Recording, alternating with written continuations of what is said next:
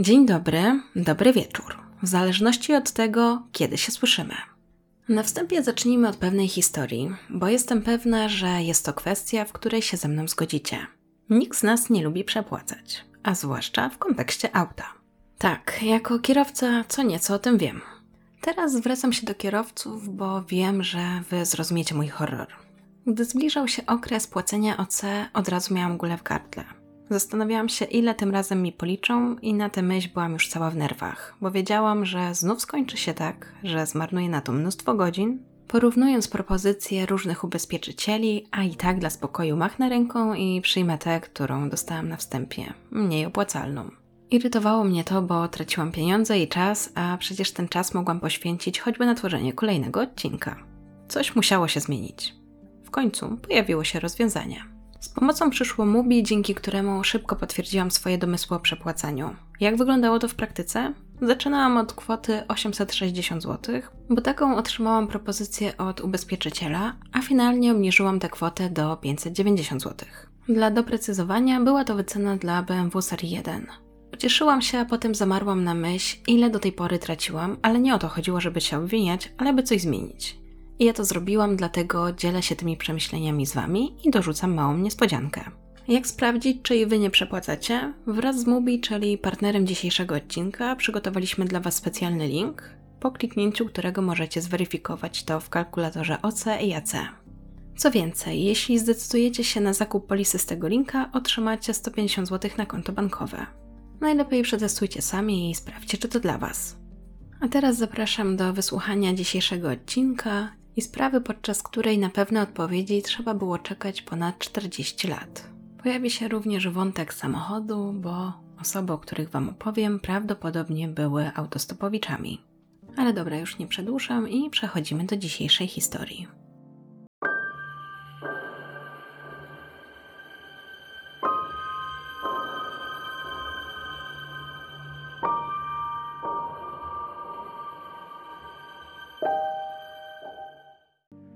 Był wczesny ranek, 9 sierpnia 1976 roku, jakoś po godzinie 6. Kierowca ciężarówki przejeżdżał przez hrabstwo Sumter w południowej Karolinie i zatrzymał się na odpoczynek. Znajdował się akurat na nieczęsto uczęszczanej drodze zwanej Locklear Road i postanowił, że to będzie idealne miejsce, aby na chwilę się zatrzymać. Zaparkował, otworzył drzwi i wysiadł. Postanowił przejść się po okolicy. Zamiast jednak się zrelaksować przed dalszą podróżą, dokonał makabrycznego odkrycia. Przed nim na ziemi leżały dwa ciała, należące do kobiety i mężczyzny. Od razu skontaktował się z policją. Tego samego dnia pewien mężczyzna usłyszał strzały, które rozległy się gdzieś w pobliżu jego domu, ale uznał, że to może kłusownicy. Nie wiedział, że w tamtym momencie życie straciły dwie osoby. Gdy na miejscu zjawili się policjanci, od razu otrzymali informację, że świadek wiedział, że tą samą drogą, którą on przyjechał, jechał także jakiś samochód. Jedynie co zapamiętał to to, że ten samochód dojechał potem do autostrady i zniknął mu z pola widzenia. W związku z tym śledczy założyli, że być może ta para podróżowała autostopem albo stała się ofiarą kradzieży samochodu. Wstępne oględziny wykazały, że para nie miała przy sobie pieniędzy. Mimo tego policjanci mieli wrażenie, że były to osoby zamożne, być może z zagranicy. Świadczyć o tym miało m.in. to, że byli dobrze ubrani. Wstępnie śledczy założyli, że mają do czynienia z rodzeństwem, jednak te informacje będzie można zweryfikować dopiero później. Ponieważ przy ofiarach nie znaleziono żadnych dokumentów tożsamości, jedyne co można było zrobić to dokładnie te osoby opisać. Jeśli chodzi o mężczyznę, to miał około 1,83 m wzrostu a do tego brązowe włosy do ramion. Na sobie miał wyblakłe dżinsy marki Levi i czerwoną koszulkę. I ta koszulka była dosyć charakterystyczna. Z przodu miała puszkę piwa z napisem Coors America's Light Beer, a z tyłu napis Camel Challenger GT Sebring rok 75 wraz z rysunkiem Snoopiego. Prawdopodobnie była to koszulka, którą można było dostać tylko podczas wyścigów organizowanych na Florydzie w 1975 roku i które właśnie wtedy były sponsorowane przez tę markę piwa, o której wspomniałam. Jeśli chodzi o jego wiek, to początkowo zakładano, że ma między 18 a 22 lata. Później, gdy sprawdzono jego uzębienie, to pojawiła się opcja, że może mieć nawet więcej niż 27 lat. Dlatego zmieniono te informacje i później w jego opisie pojawiało się, że ma między 18 a 30 lat. Jego cera została opisana jako oliwkowa. Miał też brązowe oczy i bardzo charakterystyczne krzeczaste brwi. Ważył około 70 kg. To, co zwracało uwagę, to to, że miał za sobą długotrwałe leczenie dentystyczne, które też wyglądało jakby w zasadzie było w trakcie, że powinno być kontynuowane. Miał wiele plomb, w zasadzie większość górnych zębów, miał też braki w uzębieniu oraz brakowało mu ósemek. Jego budowę ciała określono jako atletyczną. Zaobserwowano także dwie blizny na ramieniu, na podstawie których uznano, że był miłośnikiem sportu, zwłaszcza tego kontaktowego. Opisałam, że miał na sobie koszulkę oraz spodnie, ale to, co było zaskakujące, to to, że nie miał na sobie bielizny. W kieszeni jego spodni znaleziono paczkę zapałek, które zostały wyprodukowane w Ameryce. A dokładniej były to zapałki firmy Grant's Drug Stop i uważano, że prawdopodobnie mógł je zakupić gdzieś na środkowym zachodzie. Uwagę śledczych przykuł także zegarek, który wciąż znajdował się na jego ręce. Był to zegarek marki Bulowa Acutron i został wykonany z żółtego złota. Udało się nawet odczytać jego numer seryjny, który brzmiał H918803. Na tej podstawie ustalono, że akurat ten egzemplarz stworzono w 1968 roku. Niestety ta firma nie dysponowała już danymi, gdzie dokładnie te zegarki zostały dostarczone, więc trudno też było określić, kto i gdzie mógł je kupić. Zagadkową kwestią był także pierścionek sygnet, który znaleziono na jego dłoni. Był to 14-karatowy złoty pierścionek. Miał także charakterystyczny kamień. Teraz wrzucę Wam zdjęcie tego pierścionka sygnetu, w zasadzie nie wiem jak go określać. W każdym razie na środku, jeżeli nie możecie zobaczyć, to jest taki kamień w kolorze szafirowym i na środku jest jakby taka gwiazda. Są to trzy linie, które się przecinają, natomiast nie idealnie na środku, tylko powiedzmy tak, w zależności od której strony spojrzymy, tak powiedzmy na 3 czwartych wysokości jednej z tych linii. Ale to, co było bardziej zastanawiające, to to, co wygrawerowano wewnątrz niego, czyli inicjały JPF. Zastanawiano się, czy pochodzą one od jego imienia i nazwiska, ale nie było takiej pewności.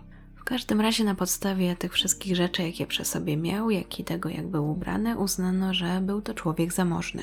Świadczyć też o tym miało to leczenie dentystyczne. A i jeszcze jedna informacja, jaką ustalono na jego temat, to to, że mężczyzna miał wycięty wyrostek robaczkowy. Kobieta, która leżała obok niego, miała około 1,65 m wzrostu i rudobrązowe włosy opisane jako średniej długości. Uznano, że była nieco młodsza od mężczyzny, a jej wiek początkowo szacowano między 18 a 20 lat. Później zwiększono to do 25 lat.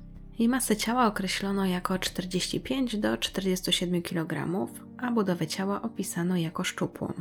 Jej cera była oliwkowa, a jeżeli chodzi o oczy, to albo podawano niebiesko-szare, albo orzechowe. Miała też dwa charakterystyczne pieprzyki po lewej stronie twarzy, w pobliżu ust.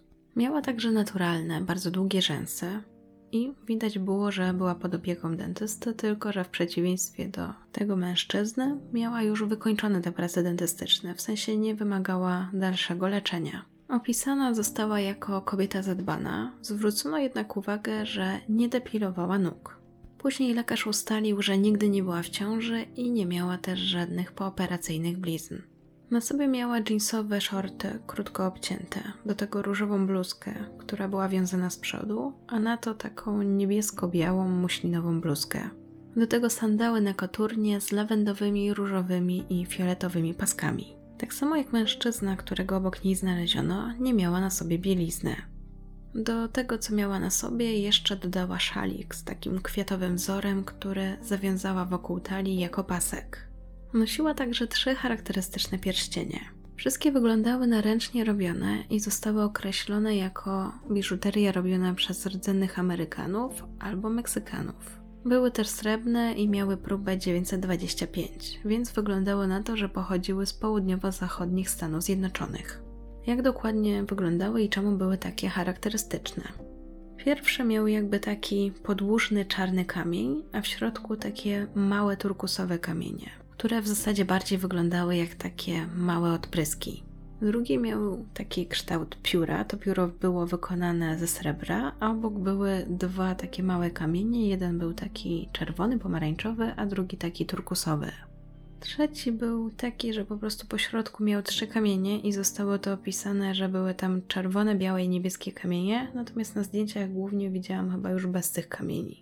Bo teraz jak widzicie ten pierścionek, to ja po prostu widzę jakby takie trzy wypustki po jakichś kamieniach i one mają taki niebieskawy kolor.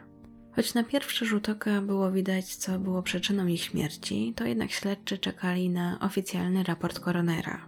Lekarz potwierdził, że mężczyzna został trzykrotnie postrzelony w klatkę piersiową, natomiast kobieta postrzelona w klatkę piersiową oraz szyję.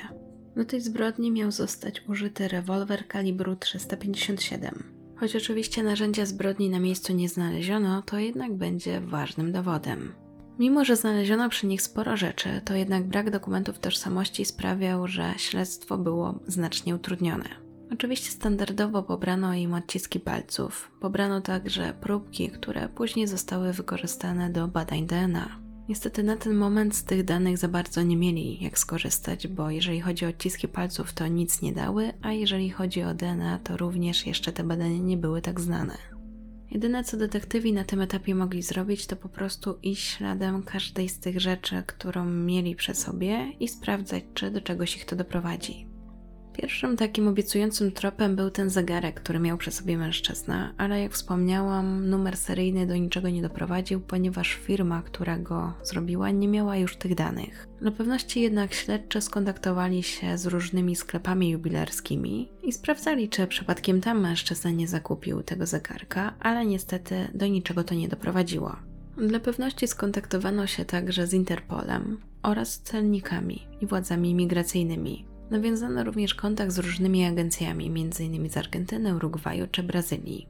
Powołano także biegłego, który miał zbadać dokładnie uzębienie mężczyzny i na tej podstawie określić, kto mógł wykonać takie zabiegi. Później amerykańskie Stowarzyszenie Stomatologiczne opublikowało jego odkrycia, mając właśnie nadzieję, że ktoś rozpozna swoją pracę. A dlaczego miałby ktoś rozpoznać? Dlatego, że zabieg, który ten mężczyzna przeszedł, był dosyć skomplikowany i nieczęsto go wykonywano, natomiast był także wykonywany poza USA. Miał to być jakiś specjalny sposób leczenia kanałowego. Niestety żaden stomatolog się nie zgłosił. Podczas sekcji zwłok ustalono także, że przed śmiercią para jadła owoce lub lody z owocami. I na tej podstawie detektywi byli niemal pewni, że ta dwójka musiała kupić to jedzenie w jakiejś lokalnej knajpie albo na bazarze. Zjawił się nawet świadek, który twierdził, że widział taką parę, która pasowałaby do opisu, w okolicach straganu z owocami, który znajdował się przy autostradzie. Natomiast ta osoba nie pamiętała, czy mężczyzna i kobieta byli sami, czy też ktoś z nimi był i czy na przykład podróżowali samochodem. Na podstawie zebranych danych przygotowano odpowiednie opisy oraz odtworzono prawdopodobny wygląd zmarłych na rysunkach. Policjanci wprowadzili także informacje o tych osobach do systemu NAMAS, czyli takiego krajowego systemu osób zaginionych i niezidentyfikowanych. Liczono, że dzięki temu ktoś rozpozna swoich bliskich, bo trudno było uwierzyć, że nikt by ich nie szukał. Zwłaszcza, że nie wyglądali jakby uciekali. Policja ogłaszała informacje o odnalezionych osobach z prośbą o identyfikację wszędzie tam, gdzie tylko mogła. To wkrótce sprawiło, że potencjalni świadkowie zaczęli się zgłaszać. Między innymi zgłosił się mechanik z Nebraski, który myślał, że ten mężczyzna pracował u niego przez chwilę i miał chyba tablice rejestracyjne z Oregonu albo Waszyngtonu. Natomiast nic więcej o nim nie pamiętał i nie był w stanie potwierdzić, czy to był na pewno on.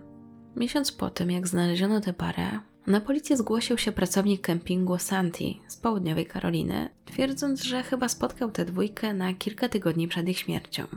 Powiedział, że mężczyzna przedstawił się jako Jock albo Jacques i że z tego co pamięta wybierali się na Florydę. Mówili, że są przyjaciółmi. Ten mężczyzna przypomniał sobie jeszcze, że chyba ten Jock albo Jacques był synem lekarza z Kanady, ale tutaj nie był pewien, choć wydawało mu się właśnie, że pochodził z jakiejś francuskiej rodziny. Ta wersja o tyle śledczym pasowała, że faktycznie wtedy byłoby potwierdzenie, że ten mężczyzna pochodził z bogatej rodziny i że mógł mieć jakieś korzenie z zagranicy. Ten mężczyzna, ten świadek twierdził jeszcze, że ten Jock, czy tam Jacques, powiedział, że pokłócił się z ojcem, że on się go wyrzekł, bo ten nie chciał być lekarzem.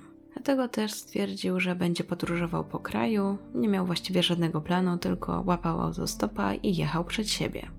Policjanci oczywiście nie mieli jak potwierdzić, czy faktycznie ten mężczyzna spotkał te dwie osoby, natomiast od tej pory zaczęli mężczyznę określać jako Jock Doe, a kobietę jako Jane Doe, czyli tutaj w jej kwestii to już tak standardowo, jak to się używa przy osobach niezidentyfikowanych. Mimo, że te wskazówki wydawały się nadawać jakieś tło do tej całej sytuacji, to nie pchnęły śledztwa dalej. W związku z tym śledczy zdecydowali, że odciski palców ofiar powinny zostać także wysłane do bazy FBI i innych organów ścigania.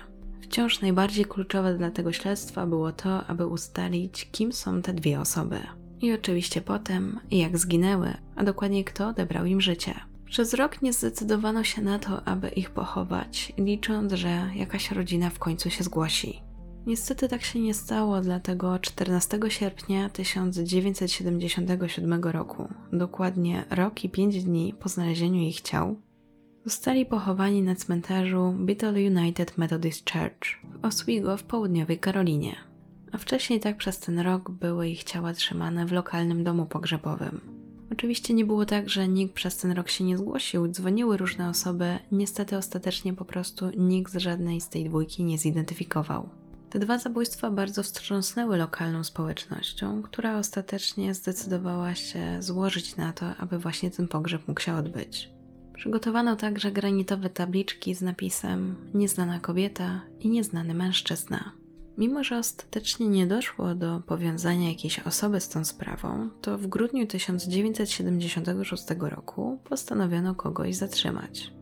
Dokładniej był to kierowca ciężarówki George Henry, który został zatrzymany przez policję w Karolinie Północnej, ponieważ prowadził auto pod wpływem alkoholu. Przy George'u znaleziono także pistolet, który, który miał porysowany numer seryjny. Wyglądało to tak, jakby ktoś chciał właśnie uniemożliwić jego odczytanie. Postanowiono przeprowadzić testy balistyczne i szybko okazało się, że była to broń, której użyto do zabicia Jacka i Jane Doe. Oczywiście George został z tymi informacjami skonfrontowany, natomiast twierdził, że on otrzymał ten pistolet w prezencie, a wcześniej, zanim wszedł w jego posiadanie, broń miała zostać skradziona przez grupę jakichś tam mężczyzn. Nie wyglądało to zbyt dobrze dla tego mężczyzny, więc gdy dostał propozycję, aby przeprowadzono na nim testy na wykrywaczu kłamstw, to się zgodził. Przeszedł je pomyślnie i został wykluczony jako podejrzany, natomiast nie udało się ustalić, kto był pierwszym właścicielem broni. W związku z tym nikt nie został oskarżony. Jeśli chodzi o George'a, to nie chodziło tylko o to, że przeszedł pomyślnie test na wariografię, ale też to, że miał po prostu alibi. Wykazano, że w czasie, gdy doszło do zbrodni, przebywał kilka godzin drogi od tego miejsca przy łóżku swojej chorej żony w szpitalu. Nie było więc opcji, aby był w tamtym miejscu. Na 100% nie można było potwierdzić, że on faktycznie był w tym szpitalu, ponieważ upłynęło już sporo czasu, a nie był to jeszcze taki czas, kiedy w szpitalach był monitoring. To jednak skoro nie można mu też było udowodnić, że tam nie był, no to trzeba było go oczyścić z podejrzeń. Tą bronią miał się posługiwać także jego brat, ale i w tym wypadku nie wykazano, że mógł mieć cokolwiek wspólnego z zabójstwem tej dwójki. Grupa mężczyzn, o której opowiadał George, miała być grupą złodziei, którzy grasowali w rejonie Raleigh Durham, ale również i w ich przypadku nie wykazano żadnego powiązania. Natomiast jeżeli chodzi o George'a, to on później zmarł w 1982 roku, więc tym bardziej jego wątek już nie był poruszany. Niedługo potem pojawiła się nadzieja na identyfikację Jane Doe, gdy pewne małżeństwo z Georgie zgłosiło się na komisariat, twierdząc, że może to jest ich córka, która zaginęła. Również były chłopak tej kobiety twierdził, że faktycznie jest podobieństwo między tymi portretami a jego byłą dziewczyną. Policjanci udali się więc do Georgii i pokazali tym rodzicom zdjęcie kobiety, które zrobiono po jej śmierci, ale powiedzieli, że nie są w stanie zweryfikować, czy to ona. Dla pewności przeprowadzono w takim razie porównanie kart dentystycznych, ale na tej podstawie uznano, że to nie ta sama osoba. Analizując dalej informacje, jakie policjanci mieli, szukając jakiegokolwiek punktu zaczepienia, zauważyli jeszcze jedną zbieżność. Jak wspominałam, przy Joku znaleziono zapałki, które musiały nabyć albo w Idaho, albo w Nebrasce, albo w Arizonie. A zatem ten świadek, który twierdził, że jakiś mężczyzna pracował u niego jako mechanik przez chwilę w Nebrasce, to była całkiem obiecująca informacja, natomiast znów do niczego dalej nie prowadziła. Tak samo w kontekście tego drugiego mężczyzny, tego z kempingu, który twierdził, że poznał tę parę, to można było uznać, że mogą to być te faktycznie osoby, na co dowody miało być to, że ten mężczyzna miał sygnet JPF. Więc jeśli faktycznie to był jakiś Jok albo Jacques, to wtedy to JPF by pasowało, że to są jego inicjały. Znów była to jakaś wskazówka, ale dalej do niczego nie doprowadzała. Śledczy już naprawdę nie wiedzieli, jak za bardzo dalej poprowadzić to śledztwo. Aktualizowali tylko te opisy, te portrety pamięciowe, ale nadal nie było żadnej informacji, która choćby doprowadziłaby do tożsamości ofiar. W pewnym momencie zaczęto się nawet zastanawiać, czy seryjny morderca Henry Lee Lucas nie jest przypadkiem zamieszany w te morderstwa.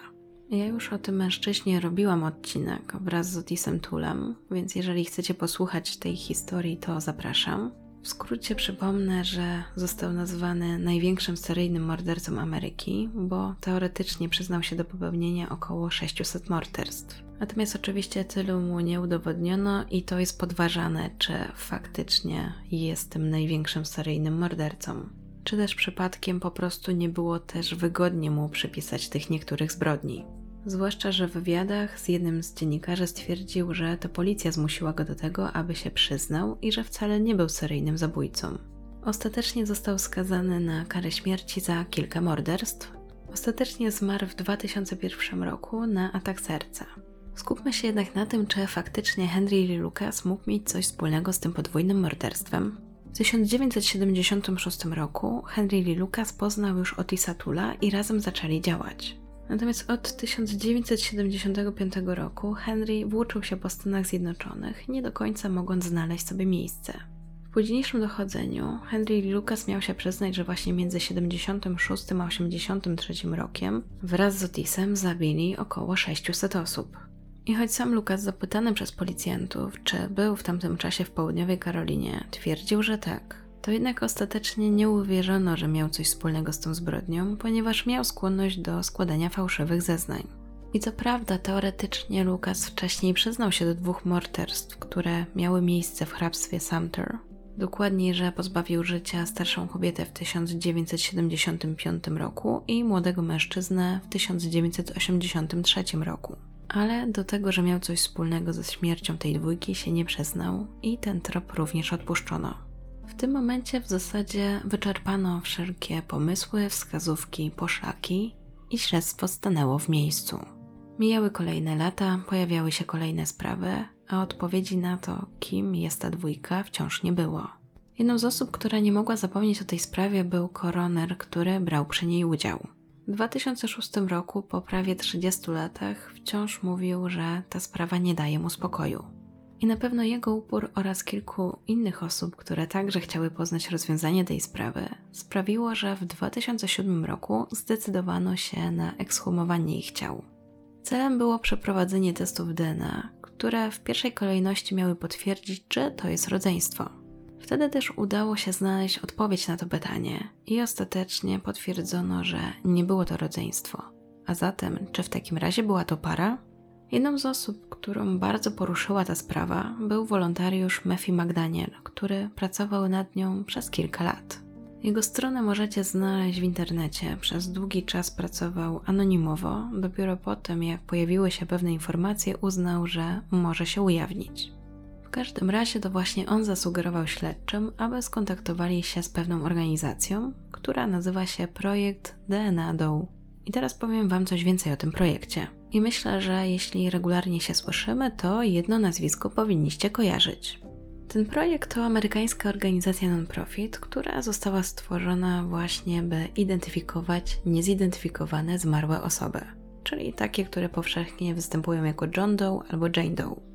A do tego celu wykorzystywana jest nauka, czyli genealogia sądowa. Osoby, które tam działają, to działają na zasadzie wolontariatu i zajmują się identyfikacją ofiar, np. wypadków samochodowych, zabójstw albo innych nietypowych spraw, gdzie tej tożsamości nie udało się ustalić. I w wolnej chwili polecam Wam zajrzeć na stronę tego projektu, bo myślę, że wiele osób, które dzięki niemu zostało zidentyfikowanych, możecie kojarzyć ze spraw omawianych m.in. w różnych podcastach kryminalnych. Ogólnie organizacja ta powstała w 2017 roku i została założona przez Colin Fitzpatrick oraz Margaret Press. I teraz pytanie do Was. Powiedziałam, że jedno z tych nazwisk powinniście kojarzyć, więc pytanie, przy której sprawie pojawiło się właśnie nazwisko jednej z tych pań. Jestem ciekawa, czy wyłapujecie właśnie takie szczegóły, jak opowiadam w odcinkach, więc dajcie znać w komentarzu. W każdym razie Colin Fitzpatrick to doktor fizyki, pracowała też jako fizyk jądrowy w NASA na przykład, albo w Departamencie Obrony Stanów Zjednoczonych. A Margaret Press to pisarka, która także zajmowała się programowaniem. W 2007 roku w formie hobby zaczęła interesować się genealogią. Na początku pomagała swoim znajomym tworzyć takie drzewa genealogiczne, a potem już zaczęła się tym zajmować na większą skalę. Jeśli chodzi o pierwszy sukces tej organizacji, to była sprawa, która była zwana jako dziewczyna z Buckskin. I też zaraz Wam kilka słów przytoczę o tej sprawie. W każdym razie dzięki pracy tej organizacji w marcu 2018 roku ustalono, że szukaną osobą była Marcia Leonor Sosoman King. Niestety jej ojciec zmarł w 2018 roku, na kilka miesięcy przed tym, jak udało ustalić jej tożsamość. I żeby pokazać Wam, na jaką skalę działa ta organizacja, to na przykład od 2021 roku organizacja pomogła w ustaleniu tożsamości ponad 50 osób, z czego głośno było o 44 przypadkach. Jeśli chodzi o sprawę Marcy, to w 1981 roku w Ohio znaleziono ciało niezidentyfikowanej młodej kobiety. Wiadomo było jedynie, że prawdopodobnie zmarła dzień albo dwa dni wcześniej, została uduszona oraz pobita. Nie miała przy sobie żadnego dokumentu tożsamości, nie miała też butów ani skarpetek. Jeśli chodzi o sprawcę, to podejrzewano, że mógł być to tak zwany zabójca prostytutek z Ohio, albo na przykład morderca, który zabijał rudowłose kobiety. Później jednak ustalono, że te tropy są niewłaściwe. W 2017 roku tą sprawą zajął się właśnie projekt DNA Doe i jak już mówiłam, potem w 2018 roku udało się w końcu zidentyfikować tę kobietę. Była to 21-letnia Marcia, która regularnie jeździła autostopem. Z tego co widziałam, śledztwo w tej sprawie jeszcze trwa. Dobra, taki był krótki zarys tej sprawy, a my powróćmy do sprawy, o której dzisiaj opowiadam. Dokładnie w czerwcu 2019 roku ten Matthew McDaniel, o którym już mówiłam, ten wolontariusz, postanowił, że będzie naciskał na śledczych, aby skorzystali z tego, jakie możliwości daje ten projekt. I był na tyle przekonujący, że już w lipcu 2019 roku organizacja zaczęła badać tę sprawę, a dokładniej DNA, które pobrano od tych dwóch osób. W sumie też zebrano i przekazano 2300 dolarów, aby właśnie można było te badania wykonać. W końcu po ponad roku udało się przygotować odpowiednie próbki i rozpoczęto badania.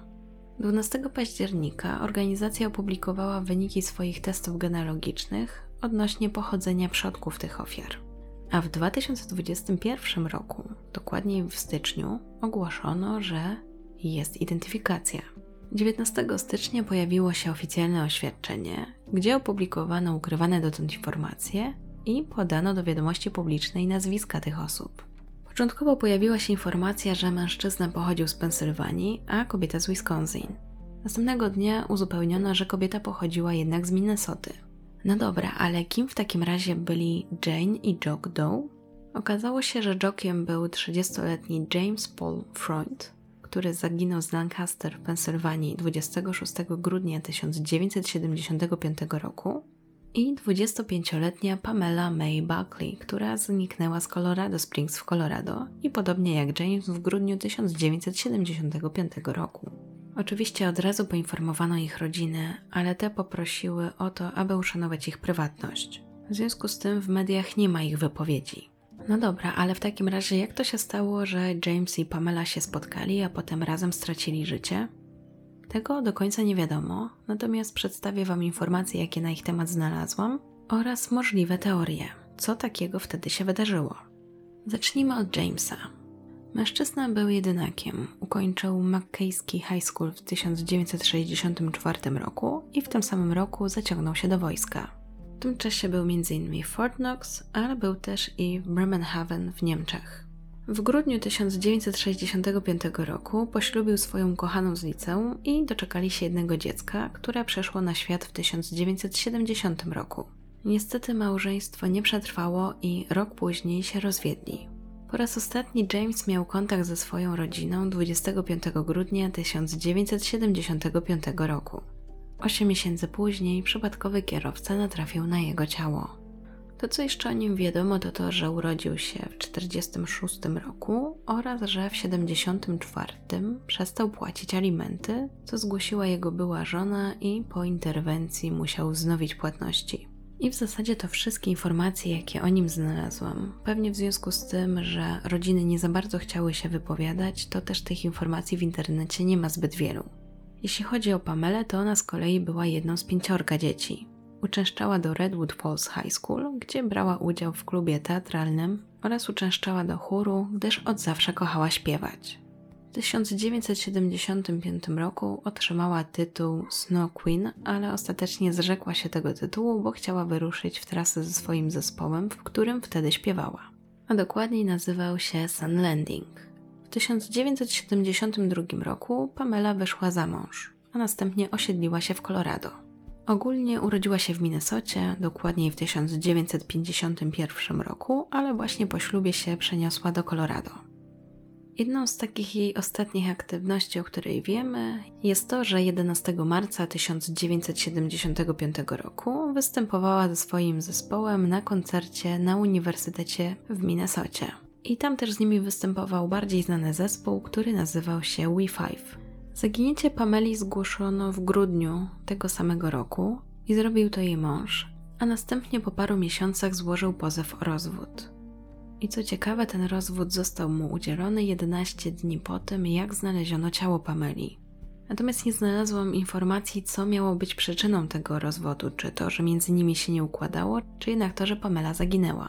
W każdym razie na podstawie tych informacji łatwo policzyć, że oboje nie byli przez nikogo widziani przez około 8 miesięcy przed śmiercią.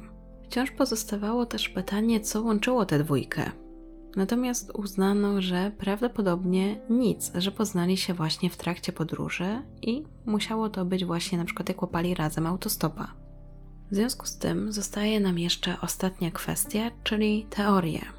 Pierwszą teorią, na którą dosyć często można trafić w internecie, jest to, że para była w jakiś sposób zamieszana w przemyt narkotyków lub jakąś zorganizowaną przestępczość. Uważa się, że ten sposób, w jaki ktoś odebrał im życie, jest charakterystyczny dla egzekucji, czyli właśnie jakieś grupy przestępcze jak najbardziej mogą być w to zamieszane. Tylko pytanie, co takiego zrobiłaby ta dwójka, że stała się by ich celem? Zwłaszcza jeśli tak naprawdę nic ich nie łączyło, wcześniej się nie znali, poznali dopiero w podróży, więc trudno tutaj było znaleźć jakieś powiązanie. Ogólnie ta teoria pojawiła się przez koszulkę, którą miał na sobie James. Ustalono, że w trakcie wyścigów, m.in. jak ten, który odbywał się w Sebring na Florydzie w 1975 roku, dochodziło do przemytu narkotyków. I faktycznie w latach 80. kilku zawodników zostało za to skazanych. I co ważne, nie chodziło tutaj o jakichś drobnych przemytników. A wręcz okazało się, że te osoby były powiązane z grupą, która przemycała tony narkotyków do Stanów Zjednoczonych. Natomiast jeżeli chodzi o te teorie, no to tak jak mówiłam, tym jedynym powiązaniem było to, że po prostu prawdopodobnie James mógł być na tym wyścigu, ale nie mamy pewności, czy był, czy na przykład gdzieś tej koszulki nie dostał. Drugą teorią, jaką rozważano, było to, że na tym obszarze, w pobliżu tego miejsca dokładniej, gdzie znaleziono ciała Pameli i Jamesa, policja borykała się z ogromną ilością lokalnej korupcji. Dotyczyła ona lokalnych biznesmenów i polityków. Do tego wykazano ich powiązania z przynajmniej trzema morderstwami na zlecenie. Jednym z takich na przykład zabójstw było to, że na kilka miesięcy przed tym, jak natrafiono na ciała tych dwóch osób, zamordowano szefa policji i miał być za to odpowiedzialny inny funkcjonariusz. A okoliczności tej sprawy nazwane bardzo podejrzanymi. Do tego do zabójstwa doszło niecałe dwa kilometry od miejsca, gdzie znaleziono tę parę. Czy zatem mogło być jakieś powiązanie Pameli i Jamesa z tymi właśnie lokalnymi biznesmenami, politykami, czy ktoś chciał ich śmierci? Również tego nie ustalono. Kolejną teorią, na którą trafiłam, było to w zasadzie, co już tam wcześniej śledczy podejrzewali, czyli że para podróżowała autostopem i prawdopodobnie trafili na kogoś, kto postanowił odebrać im życie. Ale dlaczego? Tego nie wiemy. Natomiast jeżeli pamiętacie, na początku mówiłam, że świadek twierdził, że jakiś samochód tam się pojawił, zanim on tam przyjechał. Czy to właśnie mógł być ten morderca? No tego już się niestety nie dowiemy, bo ani nie zapamiętał, jaki to był samochód, ani kim był kierowca i tak. Kolejną teorią jest to, że może ta dwójka była w jakimś programie ochrony świadków i że tak naprawdę ktoś wie, kim oni byli i powiadomił dawno ich rodzinę, a później celowo nie byli identyfikowani. Tylko nie do końca jasne jest to, jaki byłby w zasadzie tego cel i co takiego by robili. Ani to, dlaczego by zniknęli, więc ta teoria nie wydaje się być raczej prawdopodobna. Bo po co po latach w takim razie miałaby być wyjawiona ta tożsamość? Skoro już przez tyle lat nie była, to po co nagle byłoby ją ujawniać? Kolejną teorią, piątą już chyba, jest to, że było takie założenie, że może oni byli właśnie jednak kochankami i razem uciekli. Może oboje byli w nieszczęśliwych małżeństwach i ktoś zraniony postanowił się na nich zemścić. Tylko znów nie ma dowodów na to, że między nimi był jakiś romans, że oni w ogóle się wcześniej znali. Jedyne co rzuca się w oczy to to, że nie mieli bielizny, ale oni nie byli też w jakiejś intymnej sytuacji znalezieni. W sensie, no nie wyglądało to tak, jakby na przykład uprawiali seks i ktoś ich tam zastał.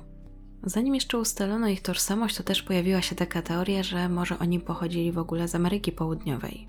I dla mnie trochę to jest zaskakujące, bo argumentem na to miało być to, że skoro wtedy jeszcze Jane Doe miała nieogolone nogi i nie miała bielizny, to właśnie może pochodziła z tamtego obszaru. Przyznam, że nie do końca rozumiem tę argumentację, w sensie co mają nieogolone nogi do tego, skąd ktoś pochodzi. Ale nie wiem, może ja tutaj coś źle kojarzę, może wy wiecie skąd takie uzasadnienie, i taką wspólną argumentacją dla tej dwójki, dlaczego oboje mieliby pochodzić z Ameryki Południowej, było to, że mieli skórę o oliwkowym odcieniu. Ale już wiemy, że to był błędny trop, bo oboje pochodzili z USA. Też taką teorią, która raczej szybko została odrzucona, było to, że byli na przykład częścią jakiegoś tajnego programu wojskowego. Ale w zasadzie nie znalazłam nawet argumentów, skąd ten pomysł. Tak sobie jeszcze pomyślałam, że może jeżeli chodzi o tę Amerykę Południową, to kwestia tych pierścionków, o których Wam wspominałam, może komuś się to z tym skojarzyło. I jeszcze taką ostatnią teorią, chyba też taką najbardziej konkretną, bo pada takie no, konkretne nazwisko, jest to, że może para była powiązana w jakiś sposób z gangsterem, który nazywał się John Rosselli. I to był mężczyzna, który był kojarzony z zabójstwem Kennedy'ego. Miał dosyć śmiałe teorie, twierdził, że jeżeli chodzi o to zabójstwo, to wynika ono z tego, że mafia działała w porozumieniu z CIA. Ale zanim wyjaśniono te jego zeznania, bo to były takie oficjalne zeznania przed komisją, to tego samego dnia znaleziono jego ciało, które unosiło się na wodzie w zatoce. I było to też tego samego dnia, w którym para została zamordowana, co doprowadziło właśnie do spekulacji, że istnieje jakiś związek między tymi dwiema sprawami. Ciało Johna zostało jednak znalezione w pobliżu Miami, ale nikomu ta odległość nie przeszkadzała, bo pojawiły się takie spekulacje, że skoro James miał koszulkę z Sebring na Florydzie, która jest dosyć blisko Miami, to mogą być właśnie jakieś powiązania. Tylko dla mnie jak znów trochę to jest naciągane i też pokazujemy powiązania w zasadzie tylko z jedną osobą, bo jednak wciąż zakłada się, że Pamela i James się wcześniej nie znali, poznali się dopiero w podróży. Więc trudno tutaj mówić, że oni działali w jakiejś grupie przestępczej albo z jakimiś gangsterami i tak dalej, skoro raczej wszystko wskazywało na to, że oni chyba chcieli zrobić sobie taką ucieczkę z domu. W sensie nie tak jak nastolatki uciekają, tylko oboje znaleźli się w takim momencie życia, że chyba potrzebowali wytchnienia, ale to raczej taka moja obserwacja. I to już właśnie wszystkie teorie, jakie znalazłam na temat tej sprawy. Jestem ciekawa, co wy sądzicie o tej sprawie, co takiego przydarzyło się Pameli i Jamesowi która właśnie z tych teorii według Was jest najbardziej prawdopodobna, a może macie inną jakąś teorię na ten temat. To, co jest ważne, to to, że dochodzenie w sprawie zabójstwa pozostaje otwarte. W związku z tym, że w 2021 roku dopiero ustalono i oficjalnie tak powiedziano, kim w ogóle były te osoby, no to mam nadzieję, że jest szansa, że jednak uda się je doprowadzić do końca. Jeśli miałabym powiedzieć, co się wydarzyło moim zdaniem, to mam wrażenie, że faktycznie mogło to tak wyglądać, że James i Pamela poznali się w trakcie łapania autostopa. Może na przykład Pamela uznała, że będzie bezpieczniej podróżować z mężczyzną. James wydał jej się godny zaufania, więc postanowiła, że będzie z nim jeździć. A może i oboje jakoś się sobie spodobali, może zauroczyli, może traktowali to jako przygodę, no tego już raczej nie ustalimy. W każdym razie chyba wszystko wskazuje na to, że prawdopodobnie wsiedli do samochodu kogoś, kto postanowił odebrać im życie. I teraz pytanie, czy coś mu zrobili, czy jednak była to osoba, która miała taki plan, po prostu chciała kogoś zabić. Bo faktycznie, patrząc na to, jak padły te strzały, trochę wygląda to jak działanie takiego seryjnego mordercy, ale to już moja opinia, oczywiście. Skojarzyło mi się trochę na przykład właśnie z Henry Lucasem, więc to się nie dziwię, że się pojawił ten wątek, ale też mi się skojarzyło z synem sama. A skłaniam się ku seryjnemu mordercy chyba dlatego, że jakoś nie wyobrażam sobie, co takiego musieliby zrobić przypadkowej osobie, która chciała ich podwieźć, żeby doszło do takiej zbrodni, która wyglądała jak egzekucja. Wątek rabunkowy również raczej odpada, mimo że nie znaleziono przy nich pieniędzy. Ja podejrzewam, że nie mieli jakichś większych kwot przy sobie.